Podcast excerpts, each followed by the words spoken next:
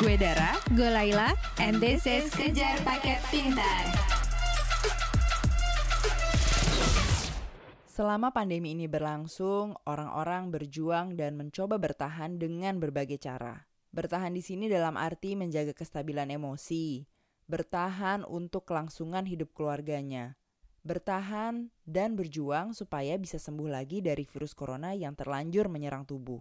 Di episode kali ini, gua dan Laila mau ngebagiin 5 kisah dari lima orang tentang bagaimana mereka menghadapi pandemi. Seperti yang kita tahu, pandemi kan memang memberi efek ke berbagai aspek kehidupan kita ya.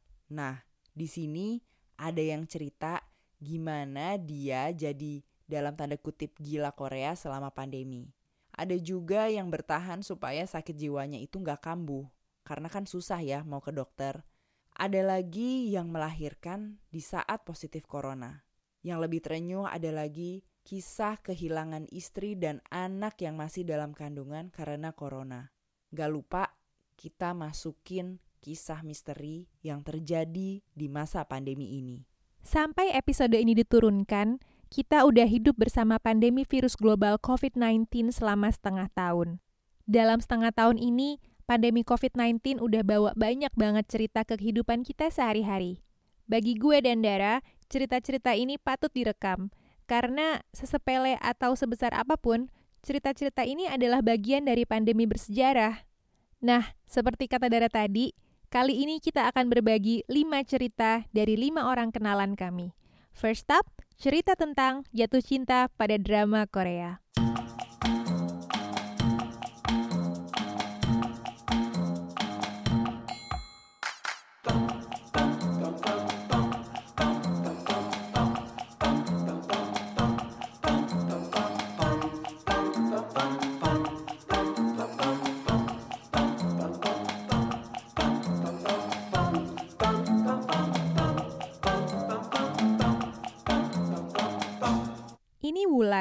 Dia adalah ibu rumah tangga dua anak yang tinggal di Jakarta. Di awal 2020, tontonan Wulan masih seri-seri TV Amerika, kayak CSI dan Modern Family. Nah, tiga bulan memasuki 2020, tontonan Wulan udah berubah tuh. Jadi seperti Taiwan Class, Reply 1988, dan My Ajusi. gue ada grup WhatsApp enam orang deh yang sering nonton drakor yang emang hardcore drakor banget gitu. Gue dari tahun lalu tuh udah disuruh nonton. Gue nonton satu episode baru berapa belas menit tuh udah ih kayak lama banget nih gitu. Kok alurnya lama banget? gitu. Gue kayak nggak bisa deh gitu. Ya udah ntar kalau ini coba lagi lan gitu. Oh ya udah. Dikasih judul-judul terus tuh cuman judul-judul drakor beberapa judul drakor cuman gue masih nggak tertarik.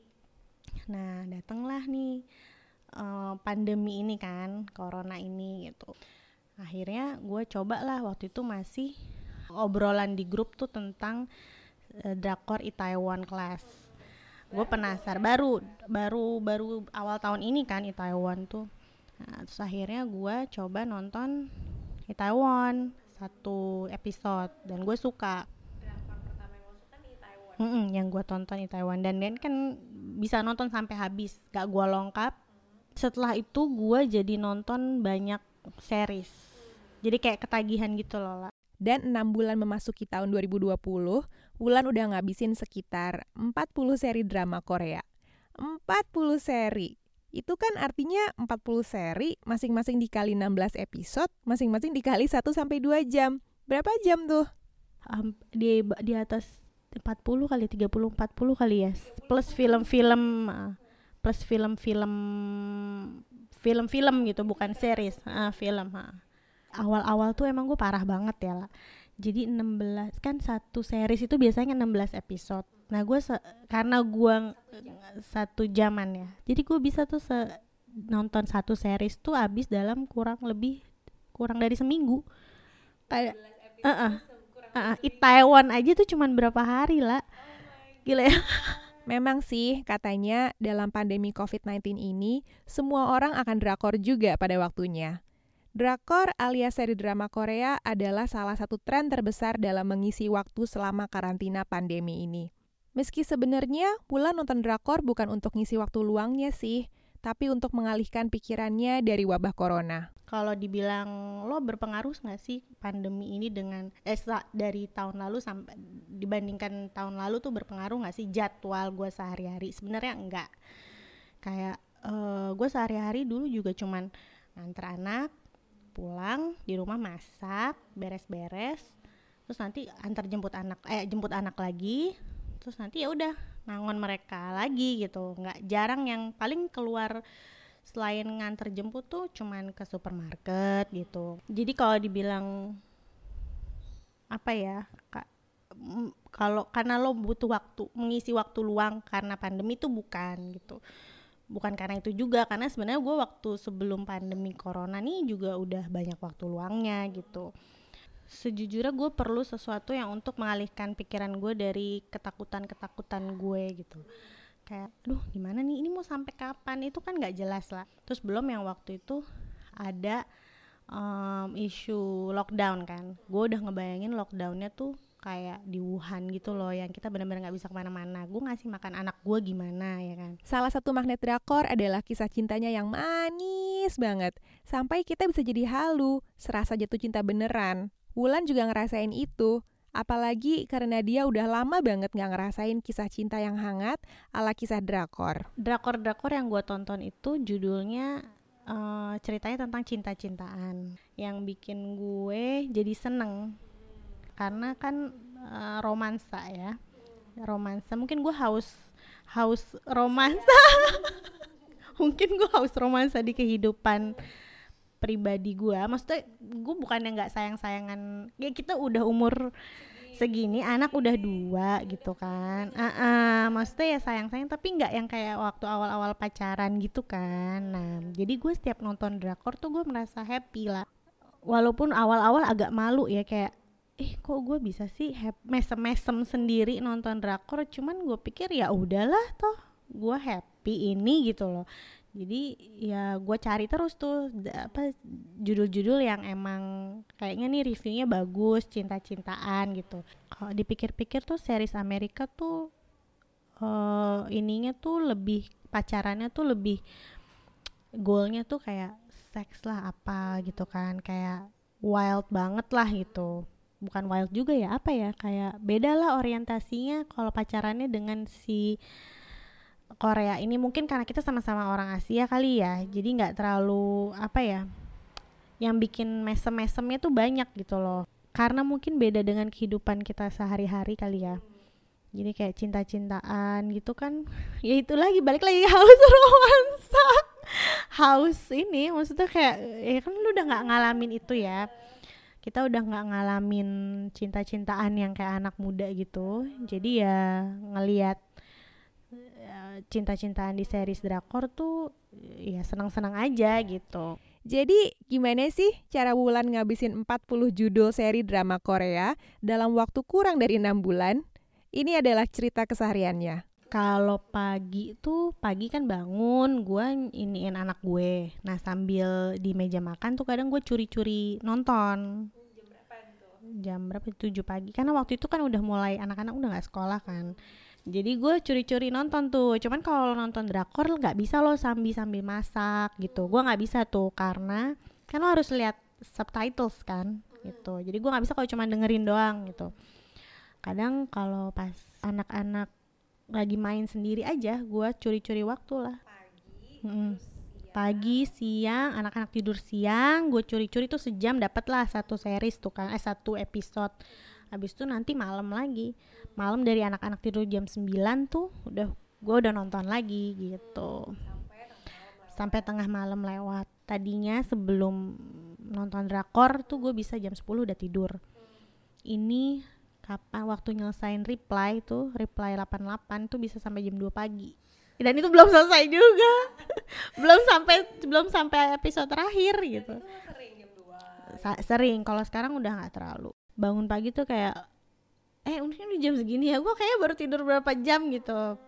Cuman sekarang sekarang sih udah biasa ya karena awal-awal itu aja gue tidur sampai jam 2 pagi gitu-gitu kan. Kalau sekarang kan udah jam 12 juga udah tidur. Kira-kira penjualan makanan Korea jadi naik seiring dengan naiknya minat drakor di Indonesia nggak sih? Mungkin aja loh, karena banyak orang, termasuk gue, sering banget ngiler tiap nonton adegan makan-makan di tayangan Korea. Kalau Wulan gimana? Yang gue takjub lagi tuh cara mereka makan. Makan banyak kan, tuh satu ini, terus pakai kimchi lah, apalah, dan ibu-ibunya tuh selalu bikinin kimchi buat anak-anaknya gitu kan terus ditaruh di ini nah sampai gue juga gitu lah sekarang gue beli terus masukin ke kotak asli. Nggak buat gue.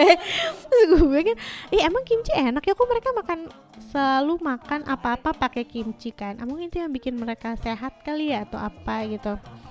Raw uh, apa nasi pokoknya. Jadi gue waktu awal tuh gue beli sampai sekilo terus gue masukin kulkas tuh terus gue makan ini pakai itu makan daging pakai itu gitu kan. Di Bimelo tuh makan topoki mulu gitu gue tuh bisa jam 10 jam 9 jam 10 waktu itu pas puasa deh kalau nggak salah deh. Si Mujigaya kan selurusan ini lah. Mujigaya itu selurusan jalanan rumah gue ini. Jadi gue pesen grab food jam 10 malam. Makan topoki gara-gara ngiler itu. Dan sering karena abis makan abis nonton gue ngiler nih terus laki gue udah tidur kan. Jadi aku pesen deh grab food. Datang Nggak ada salahnya kok punya tanda kutip obsesi baru dalam pandemi ini. Entah itu miara tanaman, main sepeda, jualan online, atau jadi maniak drama Korea. Karena intinya dalam pandemi global, do whatever makes you happy and survive. Gue awal nonton drakor tuh gue sebenarnya bukan malu sih lah ya kayak lo udah umur segini lo masih nonton drakor terus yang bener-bener intens banget gitu gue pikir-pikir ah ini lagi masa pandemi gini whatever makes me happy lah gitu. Lo mau makan ini kayak beli-beli jajan terus makan enak apa makan enak kan tapi jadi gendut ya. Kalau nonton drakor kan lo happy walaupun lo kurang tidur gitu. Gue dengan nonton drakor nih gue ngerasa kayak ada bukan tujuan juga sih maksudnya kayak ada yang ada yang gue tunggu-tunggu gitu loh. Ngerti kan lo kayak kalau misalnya biasanya ah kalau misalnya lo sehari-hari dulu sebelum corona kan mungkin lo ah gue nih bulan ini gue mau liburan nih gitu kan bisa atau bulan eh, minggu depan gue mau pergi sama si ini nih gue mau nonton film ini gitu kan. Cuman kan kalau sekarang nggak nggak ada kayak gitunya kan lah. Nggak ke mana-mana juga kita liburan nggak ada rencana gitu loh. Jadi yang gue nanti nanti tuh ya ya nonton drakor gitu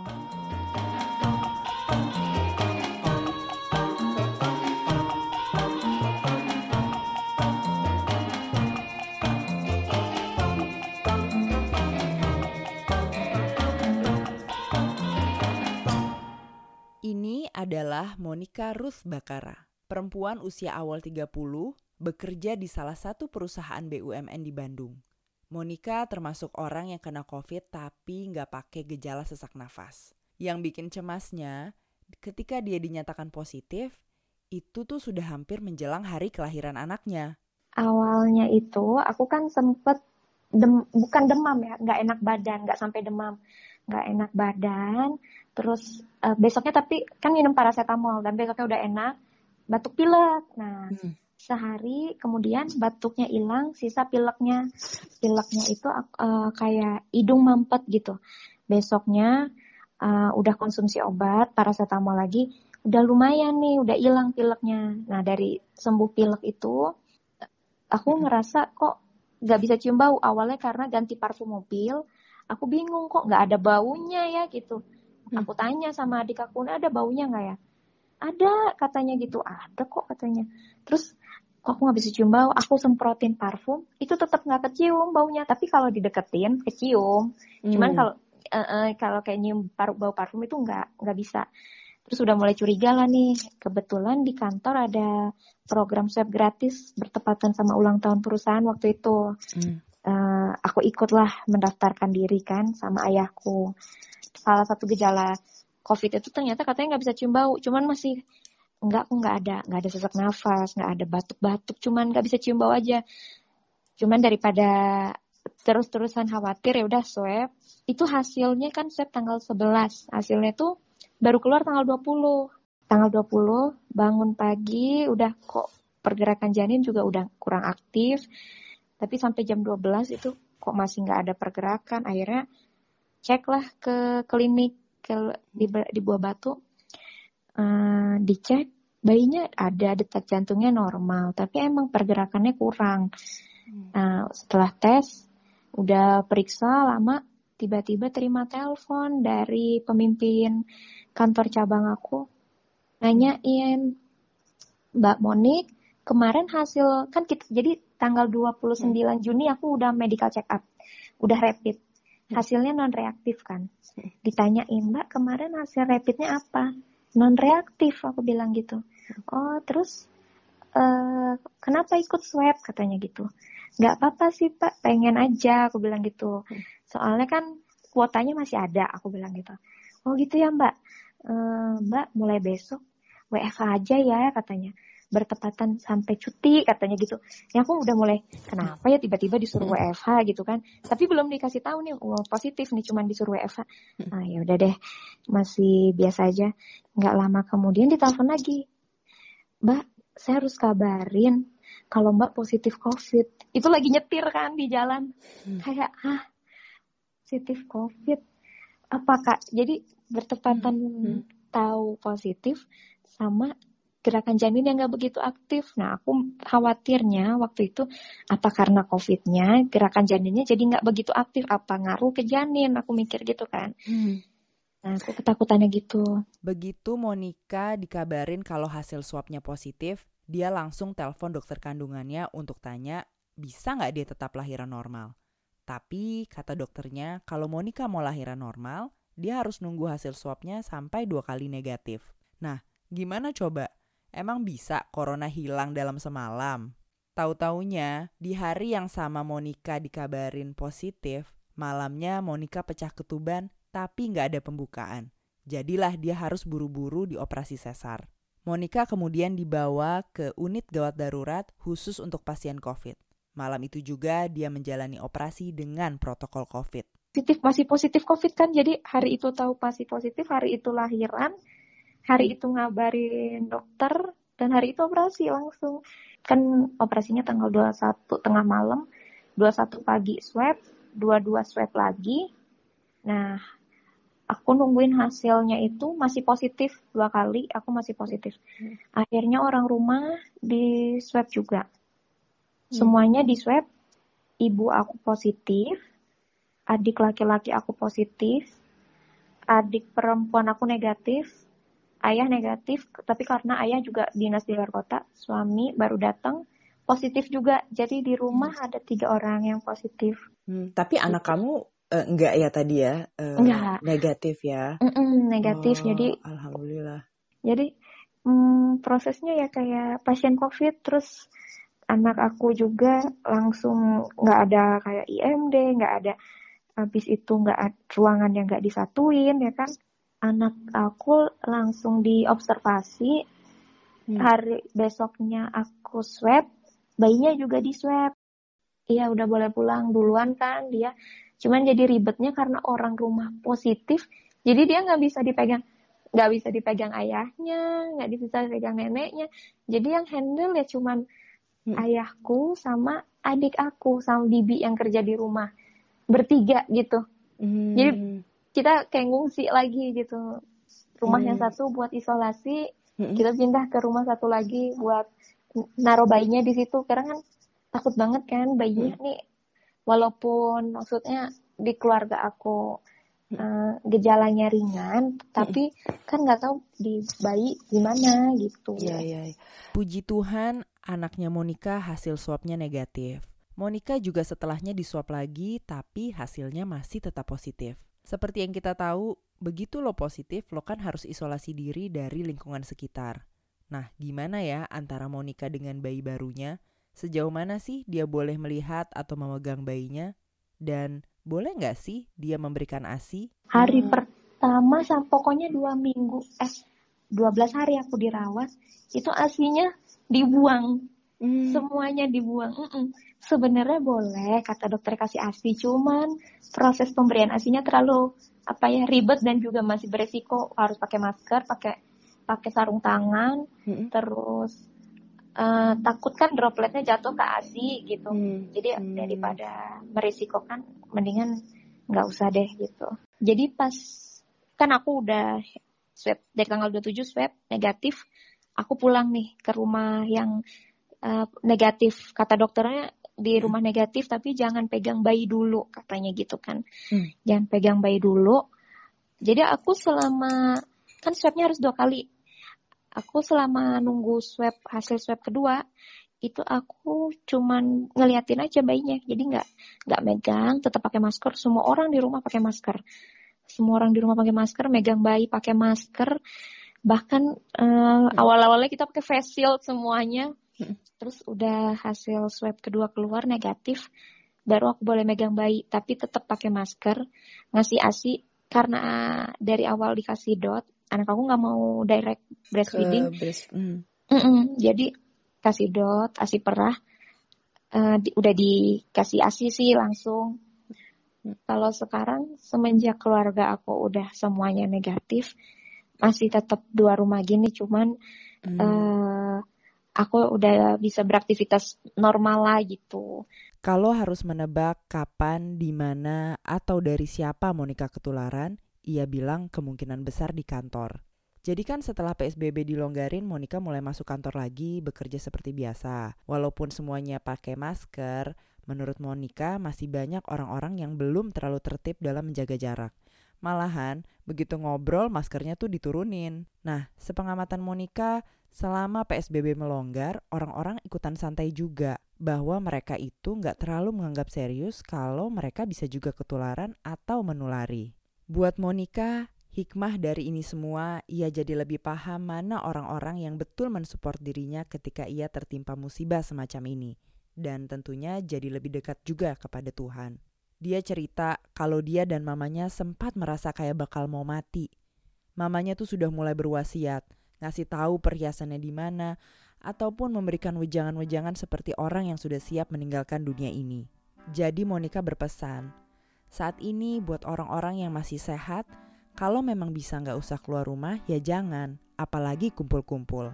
Awalnya tuh malah mama aku sempet yang kayak perhiasan mama, mama taruh di sini kayak udah bener-bener kayak, kayak ngerasa bakal mati, kita tuh bakal meninggal gitu gara-gara penyakit ini. Tapi ternyata sembuh, jadi ngerasa lebih lebih dekat sama Tuhan aja gitu. Jadi hmm. kayak lebih banyak-banyak bersyukur. Sehat tuh emang mahal banget sih gitu. Pesan aku sih selalu aku sama teman-teman aku aku selalu bilang kalau nggak perlu-perlu banget jangan keluar. Karena maksudnya bisa aja di kamu tuh nggak ada gejalanya tapi belum tentu di orang tuamu di adik di anak kecil itu nggak ada gejalanya. Karena aku awalnya juga aku tipe yang ah cuman batuk pilek. Ah cuman gini. Menyepelekan. Tapi ketika aku udah masuk rumah sakit dan aku melihat berbagai macam gejala yang dirasakan orang di rumah sakit itu ada bayi yang nangis semalaman samping kamar aku 30 tahun udah harus pakai oksigen padahal tanpa penyakit penyerta hmm. itu aku jadi wah ternyata nggak nggak sesepele ini ya di setiap orang. Di aku mungkin cuman gini gejalanya nggak ada apa hilang indera penciuman tapi di orang lain belum tentu gitu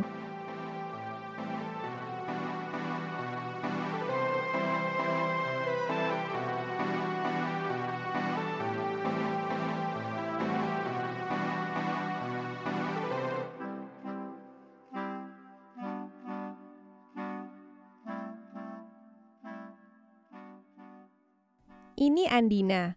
Dia adalah ibu rumah tangga dua anak yang tinggal di Jakarta. Dia suka K-pop, main TikTok, bikin meme, dan ngedance. Kalau gue harus deskripsikan Andina dalam dua kata, gue akan sebut kata ringan dan menyenangkan. Selalu ramah, gak pernah marah. Tapi sebenarnya Andina punya masalah kesehatan mental. Tepatnya, dia bipolar sejak belasan tahun lalu. Jadi gue itu bipolar. Gue kan bipolar maksudnya gue ini udah bipolar udah 10 tahun yang lalu gitu. Maksudnya it was hard the first time tapi kalau sekarang gue merasa ya gue udah gue udah pasrah gue udah terima ya gue hidup seperti ini udah lama gue minum obat ya udah sih bipolar itu suatu kondisi di mana lo bisa um, ada keadaan manic dan ada keadaan depression. Jadi kalau misalnya lo di, lagi lagi lagi low banget lo tuh depres kayak bener-bener wah udah deh it's the end of the world for you. Tapi kalau misalnya di saat lagi manic ya gue memang happy terlihat happy sekali. Maksudnya hyper lah gitu ibaratnya hyper gitu. Jadi jadi it's always in between. Eh, nggak pernah in between kayak either lo itu atau nggak itu gitu. Awalnya Andina sempat didiagnosa skizofrenia karena dia sering berhalusinasi. Spesifiknya, halusinasi tentang kematian dirinya sendiri. Andina rutin ngeliat dirinya mati dengan berbagai cara. Gantung diri, kena ledakan bom, tabrakan, tenggelam, segala macem. Dia juga sering dengar suara dari orang-orang terdekatnya nyuruh dia untuk mati aja. Ini semua udah terjadi selama belasan tahun sampai sekarang. gue dengar suara-suara gue dengar suara-suara di kuping gue terus gue juga visually gue lihat real banget gitu kayak misalnya gue lihat di depan mata gue itu ada dan selalu temanya tuh kematian gitu. Apa apa pun yang gue dengar tuh selalu bersifat gue harus mati gue harus mati gue harus mati. Terus kalau misalnya visual tuh ya gue mat- lagi mati gitu. Oh kalau misalnya kalau yang gue dengar itu kayak selalu gue dengar tuh kayak misalnya orang-orang yang baik itu deket atau nggak deket orang bener-bener deket banget seperti keluarga gue, pacar gue pada saat itu atau suami gue atau siapa pun anak gue sekarang gitu. Misalnya kayak gitu itu ngomong kayak misalnya ya bahwa gue nggak berguna buat hidupnya mereka lo suruh mati aja please bunuh diri dan segala macem. Kalau misalnya uh, visual ya, dan itu kan kayak maksudnya ya itu yang gue bilang kayak real banget buat gue gitu. Maksudnya kayak em, gimana sih kayak lo denger itu aja sedih gitu. Misalnya lo nonton filmnya sedih apalagi lo denger itu di kuping lo sendiri dengan suara orang yang benar-benar kenal. Jadi kayak walaupun lo udah tahu itu cuman nge- itu nggak real tapi ya tetap lo sedih kan dengerin dan lo kalau visual ya gue bisa melihat diri gue mati dalam kayak misalnya gue lagi capek banget gue bisa lihat kayak gue lagi gantung diri atau nggak misalnya gue lagi diasinin atau apa kayak misalnya gue udah pernah lihat semua jenis kematian gue aneka rupa A sampai Z gue udah pernah. Semua kayak semua kematian di dunia ini mungkin gue udah pernah kayak misalnya gue kayak misalnya gue baca-baca berita gitu-gitu itu gue langsung ngebayangin maksudnya kayak nggak nggak pada saat itu juga tapi kayak, kayak misalnya besokannya atau minggu depannya gue pasti ada visual gue lagi matiin kayak gitu. Misalnya kita berkereta tabrak motor apa pun deh. Pokoknya jadi kayak kena bom lah apa segala macam. Kayak hancur berkeping-keping tenggelam. Kayak di tenggelam di laut mati bengkak kamar mayat. Pokoknya semuanya deh udah gitu. Jadi kayak jadi emang kondisinya kayak gitu. Dan itu kan suram banget. Dan itu gue udah hidup kayak gitu tuh udah 10 tahun. Salah satu alat bantu Andina untuk bertahan adalah obat-obatan. Obat untuk penyakit mental Andina ada banyak dan dosisnya juga keras. Obat-obat itu pun harus dia konsumsi seumur hidup. Maka pasti ada efeknya juga ya. gue take uh, Depakote, Abilify, Xanax, Zoloft, Zoloft itu sertralin, Clozarin itu clozapine, terus um, Freemania, terus oh terus kayak misalkan karena gue udah lama gitu kan maksudnya minum obatnya gitu udah lama jadi kayak of course itu mempengaruhin ke fisik fisik gue yang mungkin gue capek gue cepet cepet, capek. Terus kadang-kadang kayak misalnya kayak air seni gue warnanya sangat keruh gitu terus habis itu juga kayak kadang-kadang kayak badan gue mengeluarkan bau-bau yang aneh gitu kayak bener-bener bau yang kayak lo belum pernah cium seumur hidup lo gitu. Maksudnya kayak "Hah, apa ini? Kayak kadang-kadang bau logam atau bau bau aneh deh pokoknya chemical aneh gitu atau kayak mungkin kadang-kadang juga liver gue nggak kuat gitu jadi kayak misalnya gue ambil darah terus kan Sebenarnya Andina nggak mau terus bergantung pada obat-obatan. Tapi selama belasan tahun, Andina udah pernah nyoba berbagai macam metode penyembuhan alternatif. Dan nggak ada yang benar-benar berhasil. Dari mulai pengobatan dengan metode ilmiah, psikoterapis, spiritual, religius, fisiologis, pokoknya semua deh. terapi listrik yang paling absurd buat gue terus gue literally di strum di setrum satu badan gue di setrum apa kayak dut-dut-dut. itu kayak itu menurut gue itu absurd tapi gue udah coba terus kayak gue eh, biomagnetik gue juga udah pernah coba jadi kayak kayak semacam itu sebenarnya kayak semacam totok gitu terus kayak meditasi dulu awalnya gue juga sempat meditasi terus habis itu em, meditasi yang yang gak work pada saat itu buat gue ya Tahun lalu, Andina menemukan satu jenis meditasi yang efeknya bagus banget buat dia. Bahkan karena praktek meditasi itu, kebutuhan minum obat Andina jadi minim banget. Sialnya, baru tujuh bulan berjalan, das, pandemi datang. Akibatnya, Andina harus menghentikan berbagai kegiatan yang seharusnya jadi terapi untuknya, termasuk meditasi dan ngedance. Sebagian alasannya karena protokol COVID, sebagian lagi karena pandemi bikin Andina terlalu cemas dan pusing untuk rutin meditasi. Akhirnya Andina jadi kembali ngobat. ini walaupun sekarang nih selama pandemi gue jadi nggak meditasi karena gue jadi balik lagi ngobat. Maksudnya balik lagi minum obat. Tapi sebenarnya sih pas yang terakhir-terakhir tuh kayak tujuh bulan sebelum gue pandemi ini kayak gue lagi bisa dibilang gue live the best life deh dari dari 10 11 tahun gue sakit ini gitu. Jadi Karantina terutama gitu lo nggak bisa meditasi lagi. eh, karena gue kusut.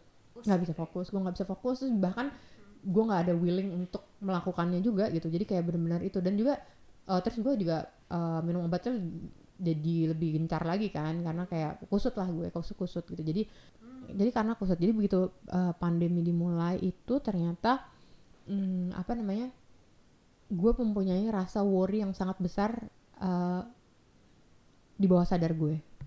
Gue itu eh yang gue sadar adalah gue jadi gue takut satu gue takutnya dengan ini apa sesuatu yang gue nggak tahu gitu kan. Maksudnya yang kayak gimana kalau misalnya pertama of course gue takut gue kena. Kalau wah kalau misalnya kena gimana? Gue gimana? Gimana anak-anak gue gimana cara menjaga seluruh keluarga gue supaya nggak kena? Yang itu satu eh pasti itu awal-awal gitu ya.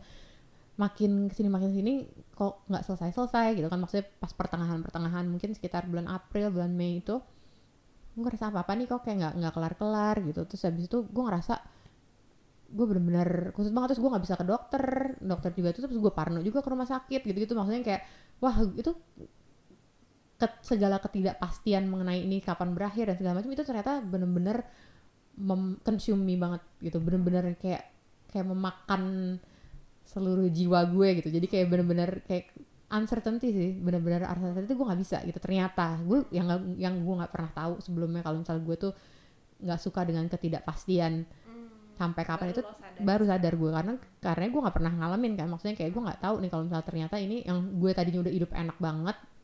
Maksudnya enak dalam parameter gue sendiri. Tapi eh, tiba-tiba mesti itu semua mesti ditarik gitu loh. Jadi buat gue tuh berat banget sih. Selama pandemi, banyak dokter dan terapis kesehatan mental yang harus tutup sementara. Kalaupun ada yang buka, pandemi tentu bikin kita lebih parno dong menginjakan kaki di ruang dokter, apalagi rumah sakit. Hal ini tentu jadi masalah untuk orang-orang yang perlu terapi atau ketemu dokter untuk kesehatan mentalnya. tutup. Mm-mm, tutup. Kayak misalnya kayak kayak even tempat sanatorium gue tempat gue ke dokter itu tutup. Benar-benar tutup kayak nggak terima orang masuk nggak terima. Jadi kayak ya itu tutup. Terus kalau mau ke rumah sakit gue sekarang gue ke rumah sakit sih. Maksudnya kayak dok- dokter gue dari SPP cuman eh, parno kan gitu. Maksudnya kayak parno. Untuk pergi ke rumah sakit aja parno gitu. Jadi kayak kayak jadi ada kekhawatiran dalam kekhawatiran gitu loh jadi kayak misalnya untuk jalan ke sini ke RSPP yang bisa cuma empat langkah dari sini aja tuh gue susah gitu Untuk Maksudnya orang kayak- seperti Andina, support system itu penting banget, termasuk ART alias asisten rumah tangga. Karena mental Andina kadang nggak stabil, dia merasa nggak bisa konsisten ngatur rumah tangganya, mulai dari beberes rumah sampai menjaga anak-anak. Alhasil, Andina butuh banget ART.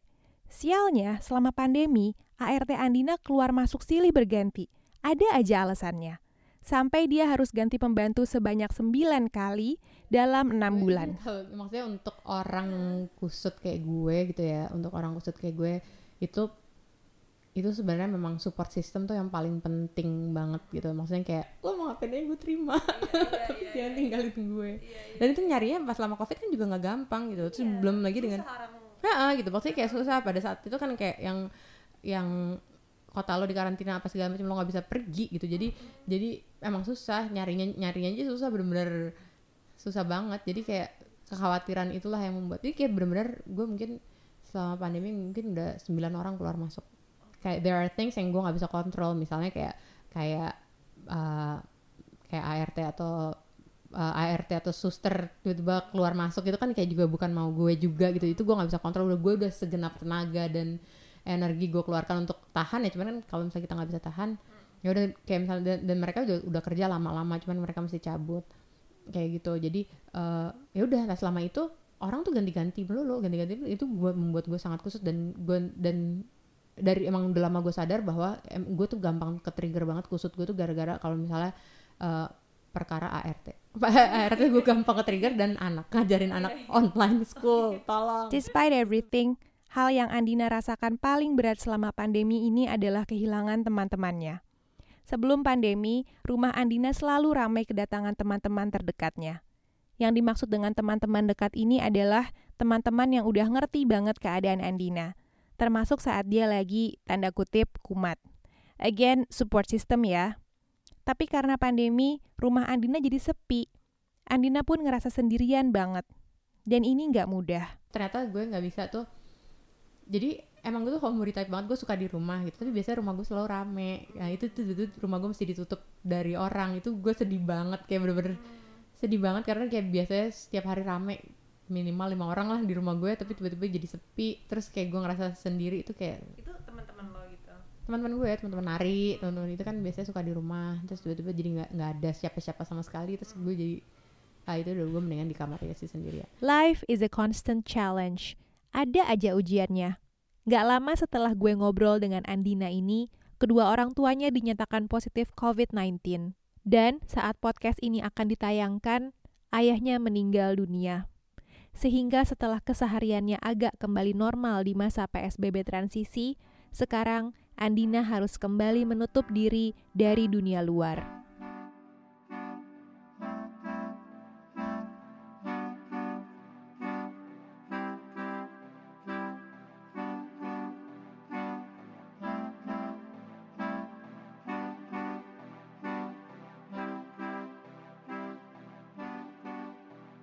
Ini adalah Akbar, bukan nama sebenarnya.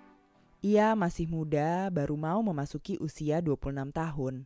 Di Twitter, Akbar menyampaikan unek-uneknya soal betapa nyebelinnya orang-orang yang percaya teori konspirasi COVID yang malah ngerugiin banyak orang.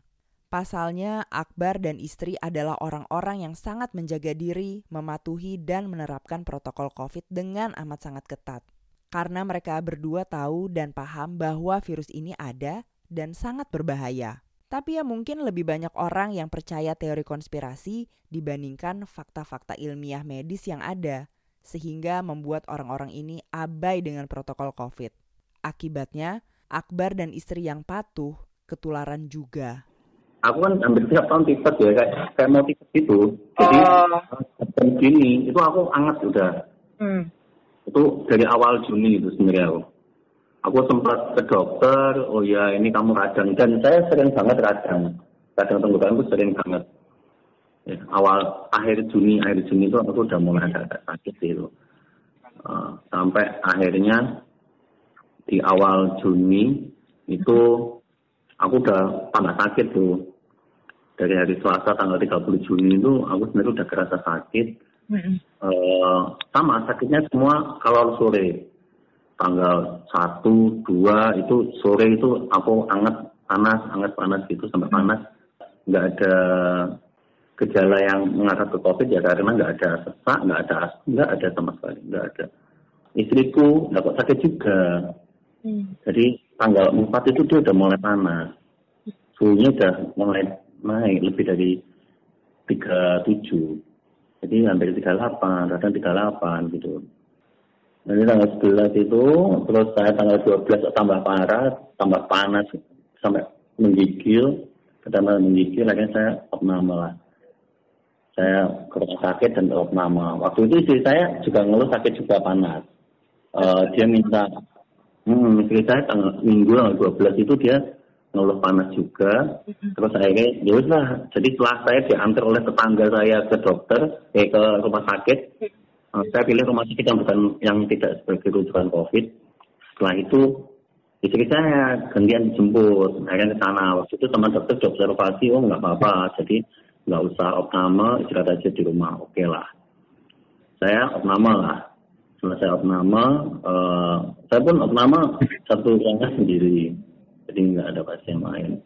Jadi saya cukup nyaman lah. Tanggal 13 istri saya masih demam, akhirnya ya udah bawa ke sini dan akhirnya sama dokternya ya wis lah dirawat aja sambil diobservasi kenapa. Oh ya, tiap kali kita masuk itu kita di test semua non reaktif, semua non reaktif. Terus eh, tanggal 14, nah saat masuk saya pikir dokternya sama yang menangani dengan saya, ternyata beda.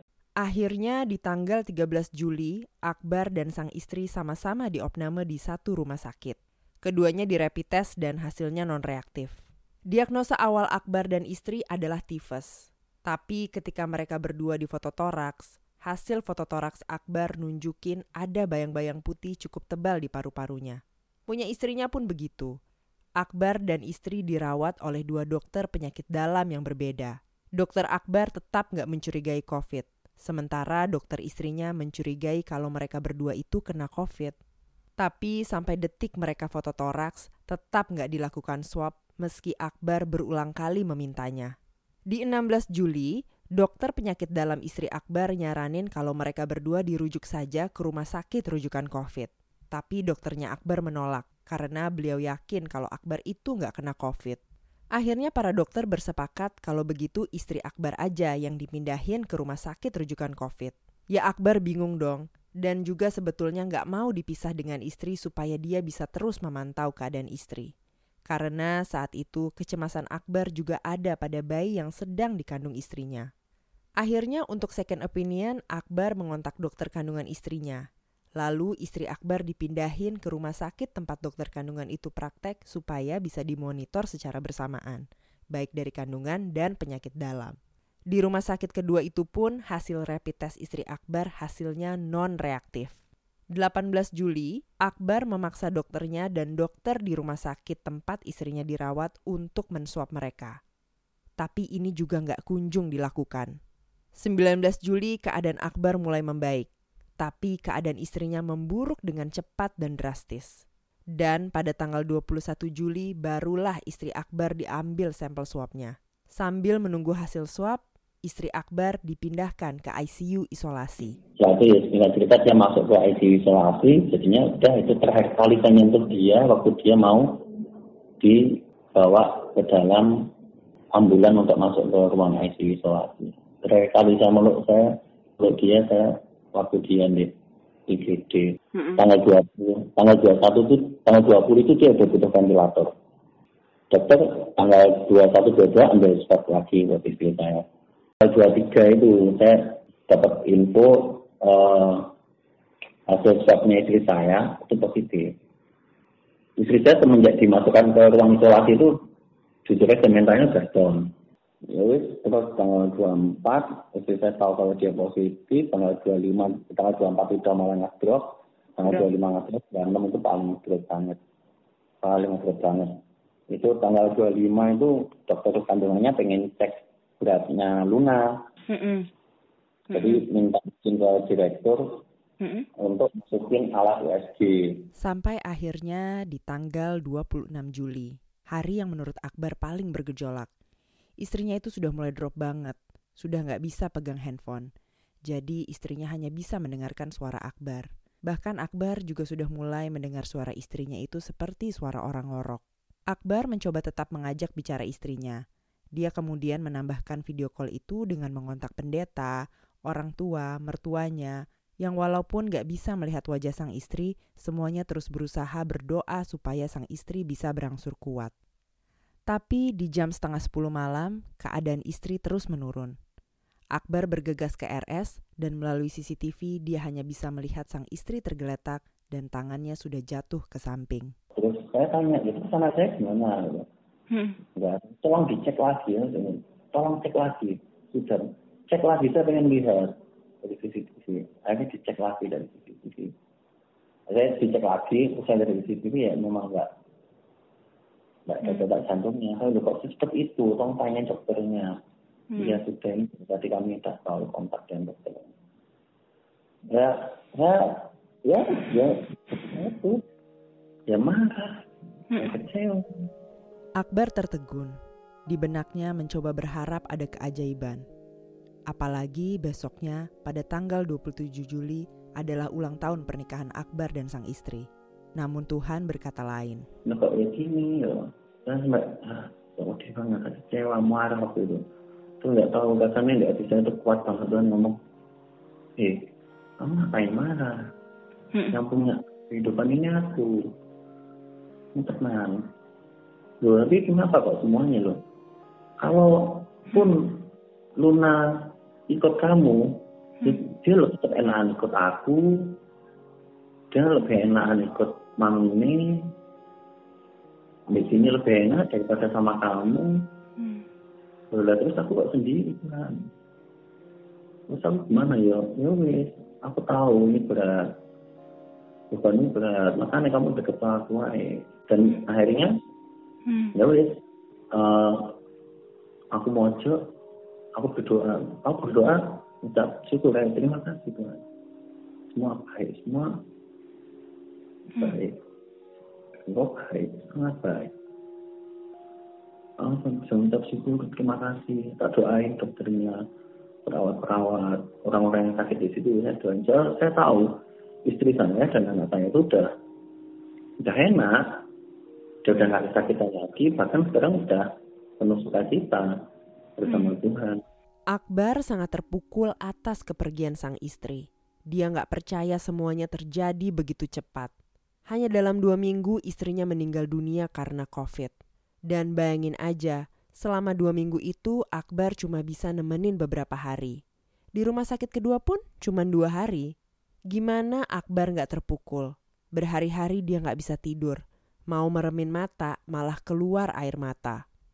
Akbar cerita, ada yang mencoba menghiburnya dengan bilang, untung dia menikahnya baru setahun, jadi kenangannya belum banyak. Kata Akbar, pernyataan itu sih salah banget. Kalau buat dia, malah banyak penyesalan. Karena banyak hal yang direncanakan berdua belum kesampaian. Tapi jadi banyak sekali penyesalan-penyesalan saya. Kita belum sempat honeymoon yang benar-benar honeymoon. Kita belum sebenarnya banyak sekali. Bahkan rumah saya itu sudah saya prepare. Ini loh nanti waktu di Luna keluar hmm. udah prepare nih. Ini fasilitas-fasilitas utama itu sudah ada. Itu waktu dia ambil tujuh bulan itu sudah saya siapin itu. Tapi semua dihapus. Benar dihapus sih planning saya planning mertua saya. Apalagi ini anak anak tunggal hmm. anak tunggal saja mertua saya baru kemarin kan ke sini. Setelah saya negatif baru tak boleh ke sini. Hmm. Nyampe rumah nangis terus. Kata Akbar, ketika lo udah positif kena COVID, ditambah lagi kehilangan anggota keluarga juga karena COVID adalah hal terberat yang pernah ia alami. Karena semuanya dihadapi sendirian. Bayangin ya, saya harus memakamkan istri saya, saya harus bahkan untuk menangis. Orang untuk menepuk pundak saya jadi nggak ada. Nggak ada yang ngelus dan apa bunda bahkan nggak ada yang meluk saya. Itu yang aduh. Hmm. ini benar-benar tapi secara fisik sendiri.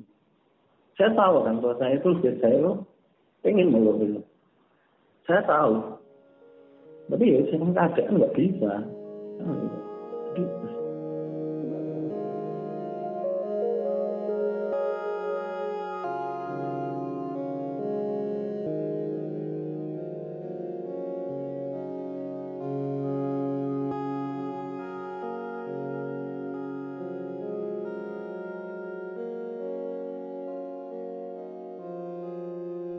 Dylan. Dia adalah seorang fotografer, model, dan pekerja kreatif yang udah lama tinggal di Amerika. Selama belasan tahun, Dylan tinggal di kota New York. Tapi akhir tahun lalu, Dylan pindah ke New Orleans bersama anjing Rottweilernya, Tank. Aku pindah uh, ke rumah itu bulan Desember ya, dari New York. Jadi cuma aku sama Tank naik U-Haul truck, kita berdua. Terus we drove 11 states, 12 states actually. It was a nightmare. It was itu mimpi buruk banget karena stres kan bawa anjing besar kan dalam mobil terus dia kayak ma mob apa mabuk darat ya terus muntah di hari itu terus hotel-hotel tuh nggak ada yang boleh bawa anjing jadi tidur di mobil. It was a trip. But thankfully pas sudah sampai New Orleans, New Orleans we are, we have a house already dan aku rumah itu aku aku sendiri dan tank so it was it was great I didn't think anything bad would happen Rumah Dylan di New Orleans adalah sebuah rumah tua yang mungil. Seberapa tua sih? Well, rumahnya udah berdiri sejak tahun 1912. Jadi, umurnya udah lebih dari satu abad. Bagi Dylan, nggak ada satupun hal aneh dari rumahnya. Walaupun teman-teman Dylan sempat bilang kalau gudang belakang rumahnya punya hawa yang gak enak sih. Dylan jadi sempat kebawa sugesti nggak enak juga. Tapi dia sama sekali nggak merasa serem kok. Honestly, that um, what I knew is that house has been empty for um, a long time, and it was uh, direnovasi pertama itu aku yang menempati pertama.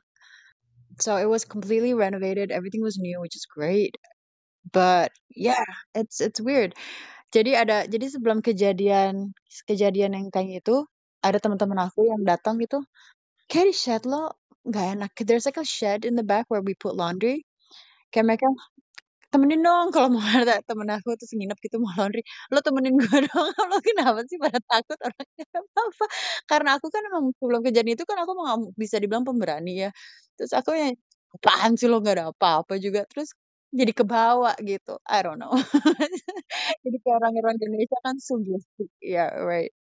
I don't know I just feel some a bit off sometimes tapi nggak nggak nggak serem sih, nggak serem sama sekali. Ya nama juga kalau orang baru pindah rumah, eh, pindah state baru, rumah baru memang suka, you know, belum terbiasa. Tapi kita sebagai manusia kan kita adaptasi ya. Jadi mau nggak mau, like this is your house, this is your new new place, you have to just adapt, which I did. But I can't lie to you, there's many nights before that incident like aku benar-benar nggak bisa tidur. Aku mikir juga ini pak insom insomnia, tapi mungkin emang emang dari awal kayak ada penunggunya di situ dan mungkin I don't know. Seperti dia bilang, Dylan adalah seorang insomnia. Dia biasanya aktif semalaman dan baru bisa tidur setelah matahari terbit. Insomnia Dylan tambah parah ketika dia pindah ke New Orleans entah karena masih adaptasi di kota dan rumah baru atau karena rumahnya memang ada penunggunya. Karena insomnia, Dylan biasa beraktivitas di malam hari, termasuk ngajak jalan anjingnya, Tank. Pada suatu malam, Dylan dan Tank sedang jalan-jalan, tepatnya pada jam 3 pagi. Ketika mereka lagi nongkrong di sebuah lapangan basket, tiba-tiba Tank bersikap aneh. Aslinya, Tank adalah seekor anjing yang aktif, ceria, dan konyol. For your information, gue pribadi bisa bersaksi ya soal ini, karena gue follow Instagram Dylan sejak Tank masih bayi. Jadi, gue sendiri familiar dengan perilaku anjingnya sehari-hari. Tapi saat di lapangan itu, Tank jadi aneh banget. Dia tiba-tiba mematung, freeze, dan menatap tajam ke suatu titik di lapangan itu. Okay, you're creeping me out. Tank, what are you looking at? There's nothing there. You okay? There's nothing there, Tank. Okay, I'm going home. Can we go home? You're freaking me out. Setelahnya gerak-gerik Tank seperti ketakutan gitu loh. Kejadian ini ketangkap di Instastory Dylan sehingga ikut disaksikan oleh ribuan followernya. Sejak kejadian itu, ada banyak banget kejadian aneh di rumah Dylan. Kejadiannya sih kecil-kecil, seperti lampu yang tiba-tiba mati atau angin dingin yang mendadak berhembus dari loteng rumah. Gak pernah ada penampakan makhluk seram, seperti skenario kebanyakan cerita horor di Indonesia. Tapi, bukankah kejadian-kejadian kecil yang subtle begitu lebih meneror imajinasi di kepala kita ya? But the thing is, why I always feel kind of lonely because I, I have insomnia always udah terbiasa makanya pas malam-malam aku jalan sama Tank itu ke jam 3 ya 3 pagi aku selalu bang jalan karena aku si Tank itu kan gak suka mancing lain ya dia emang pernah di apa sih di dia pernah di apa sebutannya? He was attacked yeah he was attacked by a bigger dog when he was little and then very recently by a pit bull. So I don't like to see other dogs so jadi dia terbiasa sama aku jalan tuh pagi-pagi nggak ada orang Nah, pas malam itu jam 3 pagi aku jalanin dia. Kamu lihat kan videonya I was make like shitty videos. Like I wasn't like trying to make anything spooky. And then Tank was just yeah, being Tank. that was really scary. the really interesting part about the whole thing is so when me and Tank went to the basketball court. So Tank definitely saw something. Even my friends who are skeptic, yang kayak nggak percaya dengan, you know, mereka bilang your dog definitely saw something because they know my dog. They know how happy and crazy Tank is, and he was just so scared and very passive. Yeah, and then the minute semenjak kejadian itu, kejad di rumahku tuh nggak enak kayak kayak aku nggak nyaman ada inget banget aku nggak bisa tidur dan aku benar-benar ketakutan. Dylan percaya bahwa rumahnya seperti kebanyakan rumah tua lain pada umumnya, memang ada penunggunya. Sebenarnya hal ini nggak masalah sih, asalkan si penunggu dalam tanda kutip nggak mengganggu kehidupan Dylan. Lagian selama 4 bulan Dylan tinggal di rumah tersebut, keseharian Dylan adem ayem aja kok. Masalahnya sejak insiden di lapangan itu, ada banyak kejadian aneh di rumah Dylan. Misalnya lampu tiba-tiba rusak, tangga tiba-tiba brek jatuh ke kasur Dylan, atau kamera HP-nya yang sering jadi blurry atau nggak fokus di saat-saat tertentu.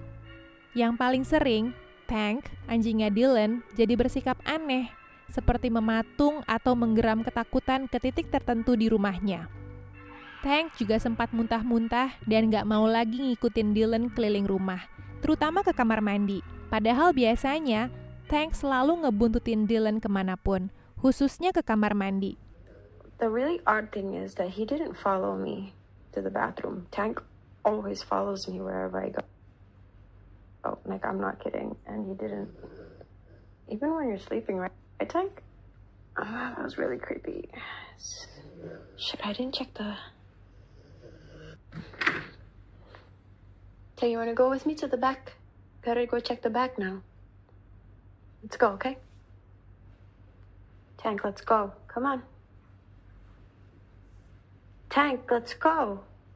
Dylan pernah beberapa kali ngerekam dirinya sendiri di Instastory untuk ngebahas kejadian-kejadian aneh ini. Dan dalam video Instastory itu sempat terdengar suara halus di belakangnya, seperti hello atau stop. Okay. But yeah, was that it? Do that and. But yeah. Wait, what? But yeah, I'll do. That does sound like my voice, but it sounds like a whisper really close to the mic. I was wait. That, but yeah, that's not my voice though, guys. I'll, do. but no, that's oh my god, I have goosebumps. What the fuck? You know what? Maybe it's a glitch. Maybe it's just a mistake. Maybe it is my voice mixed with something. But I didn't say the word stop though. Like it, it doesn't yeah, match the context. Lagi-lagi ribuan followernya di Instagram ikut mendengarnya, termasuk teman-teman Dylan yang skeptis terhadap hal-hal supernatural. Dylan selalu berusaha punya mindset yang logis. Bisa aja kan hal-hal itu terjadi karena kebetulan atau ada penjelasan ilmiahnya. Tapi Dylan yakin kalau anjingnya bersikap aneh, artinya memang ada sesuatu. So what happens is, so I think we did attract something like kayak ada yang ngikut kita ke rumah aku dan kayaknya di rumah aku tuh udah ada di rumah aku tuh udah ada penunggu yang sudah lama tinggal di rumah aku. Jadi tuh frekuensinya tuh kayak tabrak gitu. So the frequency is tabrak jadi ada satu video bener aku cuma lagi ngerekam aja. I always have my phone in, on, on hand. So kayak lagi tidur lagi tidur biasa terus tiba-tiba dia bangun terus start growling like growling. It was late at night. There can't be the neighbor kayak jadi kayak walau gini deh kalau menurut gue ya kalau aku ngerasa parno masih bisa karena ya udah mungkin gue capek atau mungkin ya udah kebawa kata-kata orang. Tapi kalau ngeliat anjing aku yang react like weird there's no denying in that you know like I trust them because dogs and kids they, they're very sensitive di Amerika, kepercayaan orang terhadap tahayul atau hal-hal supernatural memang rendah. Sebaliknya, orang-orang Indonesia percaya banget sama hal-hal supernatural. Akibatnya, Dylan kebanjiran DM dan chat dari followers Indonesianya. Mereka heboh atas kejadian-kejadian yang direkam Dylan di Instastory-nya. Termasuk dari mereka yang ngontak Dylan adalah orang-orang yang mengaku punya kemampuan psychic, seperti orang-orang indigo, bahkan youtuber konten horor. Reaksi mereka macam-macam. Ada yang ngasih kesaksian bahwa mereka memang lihat penampakan di instastoriesnya Dylan, ada yang ngasih tips dan saran, dan ada yang ngajak Dylan bikin konten horor bareng di platform mereka. Terus aku dikontak banyak banget Sarah, Sarah she's so sweet, and Billy banyak banget tem juga teman-teman nyok mamaku pada nolongin. Udah baca doa gini gini gini gini gini, a lot. Um, but but this is the part that I don't want to know anymore. It's like knowing knowing it, I'd rather not know it anymore. Cause aku pindahkan sekarang ke rumah baru dan rumah ini lebih tua. Dan mereka bilang, uh, Sarah kemarin juga kontak aku, Dilan kita aku lagi mau ngadain ini untuk YouTube, jadi uh, apa um, her viewers, her fans, like submit a pic, a part, a picture of their house, and then I can see the photo and I can see what's there. And I'm like, thank you, but I do not want to do that anymore. I'd rather not know what's in my house. Because we already feel it. Like my boyfriend just moved here, and he you can sense it, right, babe? Yeah. He can sense it. It's real cute to see him like ketakutan gitu. I'm like, dude, I told you. Sebagai orang Indonesia, Dylan tumbuh dengan berbagai tahayul dan kisah mistis dari orang tuanya. Tapi karena dia udah lama tinggal di Amerika, Dylan sebenarnya nggak percaya hantu, terutama di New York, tempat Dylan dulu tinggal lama. Tapi di New Orleans beda. New Orleans adalah kota dengan sejarah yang kaya banget, termasuk sejarah perbudakan, voodoo, dan santet. Akibatnya, New Orleans punya predikat sebagai salah satu kota paling berhantu di Amerika. Dylan pun merasakan vibe di New Orleans tuh beda. Kalau aku di Indonesia ya, for example, aku nggak akan berani loh nonton film serem sendirian. Kayak jalan di di pohon pisang gitu, like hell no, you know. Like I would not do that because karena kita kebawa dari kecil kan. Ayo jam 6 sore matahari turun harus ntar dimakan kuntilanak like you know jadi jadi udah kebawa bawa tapi pas di sini like when I was in New York kayak di di Amerika tuh nggak ada hawa kayak beda aja apa hawanya ya.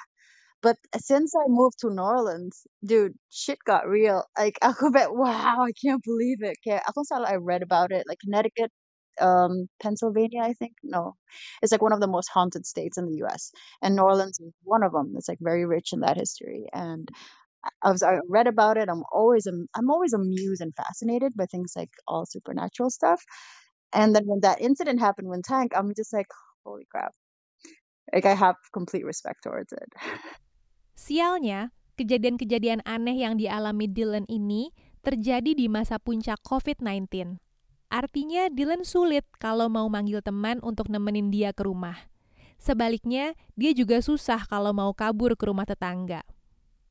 Untungnya ada seorang kenalan yang sempat datang ke rumahnya untuk melakukan smudging. Dalam budaya Amerika, smudging adalah ritual pembersihan spiritual. Ritual ini berasal dari budaya suku asli Native American. Caranya adalah dengan membakar tanaman tertentu, terus asapnya disebarin di area yang ingin kita bersihkan dalam tanda kutip. Oh,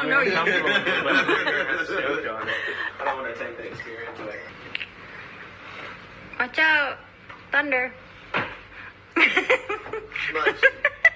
Thank Smudge. you. Yeah, thunder is smudge. I feel like you're looking at me.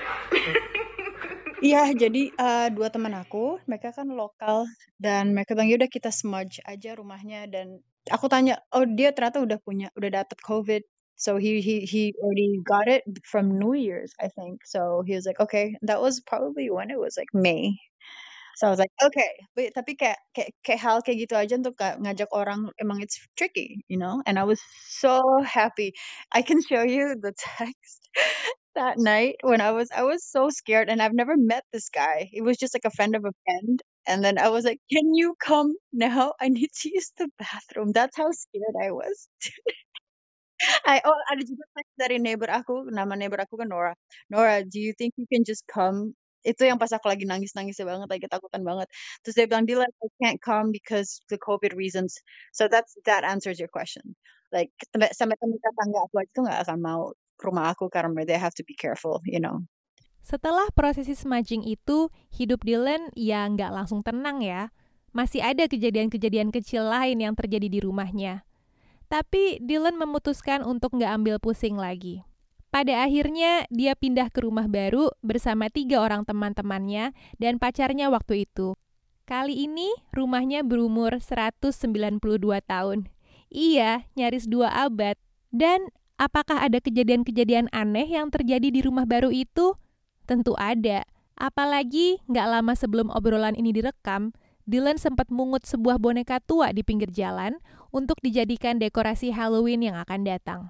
Tapi sejak mungut boneka itu, terjadi hal-hal aneh lain di rumah Dylan, seperti tanaman sehat yang mati mendadak dan segerombolan lalat raksasa yang tiba-tiba menyerbu rumahnya. Jadi beberapa hari yang lalu aku bawa um, boneka itu kan. So a few more weird things. I haven't been really on, Instagram because it's just I, I want to take a break. But there was a few weird things happen. So near the stairs, there was this plant that it's been blossoming. It's like one of the healthiest plant. And then I I didn't think much of it, and then it died. It's weird. We didn't. I didn't do anything. Nothing drastically but maybe it's just me i don't know. And then i've just been really seeing shadows more clearly more like prominently. Like that was just i just got home and i was hugging tank and I, my head was down but i saw i thought my boyfriend went to the sink and i, I know he was there but he, he wasn't he wasn't there. It's just all that weird stuff and voices. It just i don't know. Menurut Sarah Wijayanto, seorang psychic yang terkenal di YouTube, pandemi COVID-19 membuat gerbang antara alam manusia dengan alam goib jadi tipis. Jadi nggak heran kalau kita jadi lebih sensitif terhadap hal-hal nggak kasat mata. So what she said that's because of COVID. Jadi apa sih um, gate dengan dimensi yang dimensi supernatural itu lagi tipis. Kita akan lebih sensitif, kita lebih narik apa dimensi itu ke ke hidup kita ke our lives.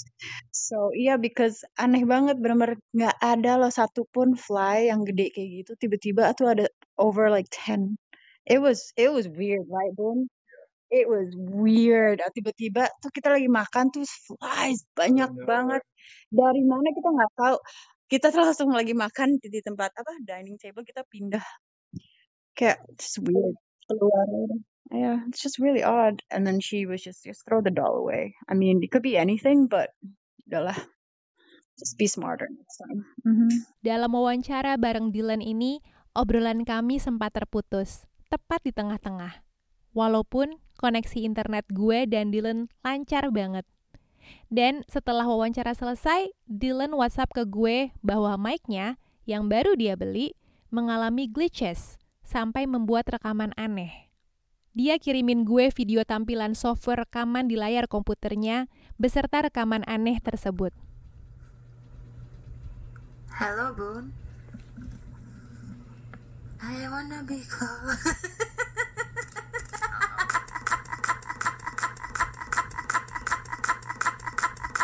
How far does it go? That's weird.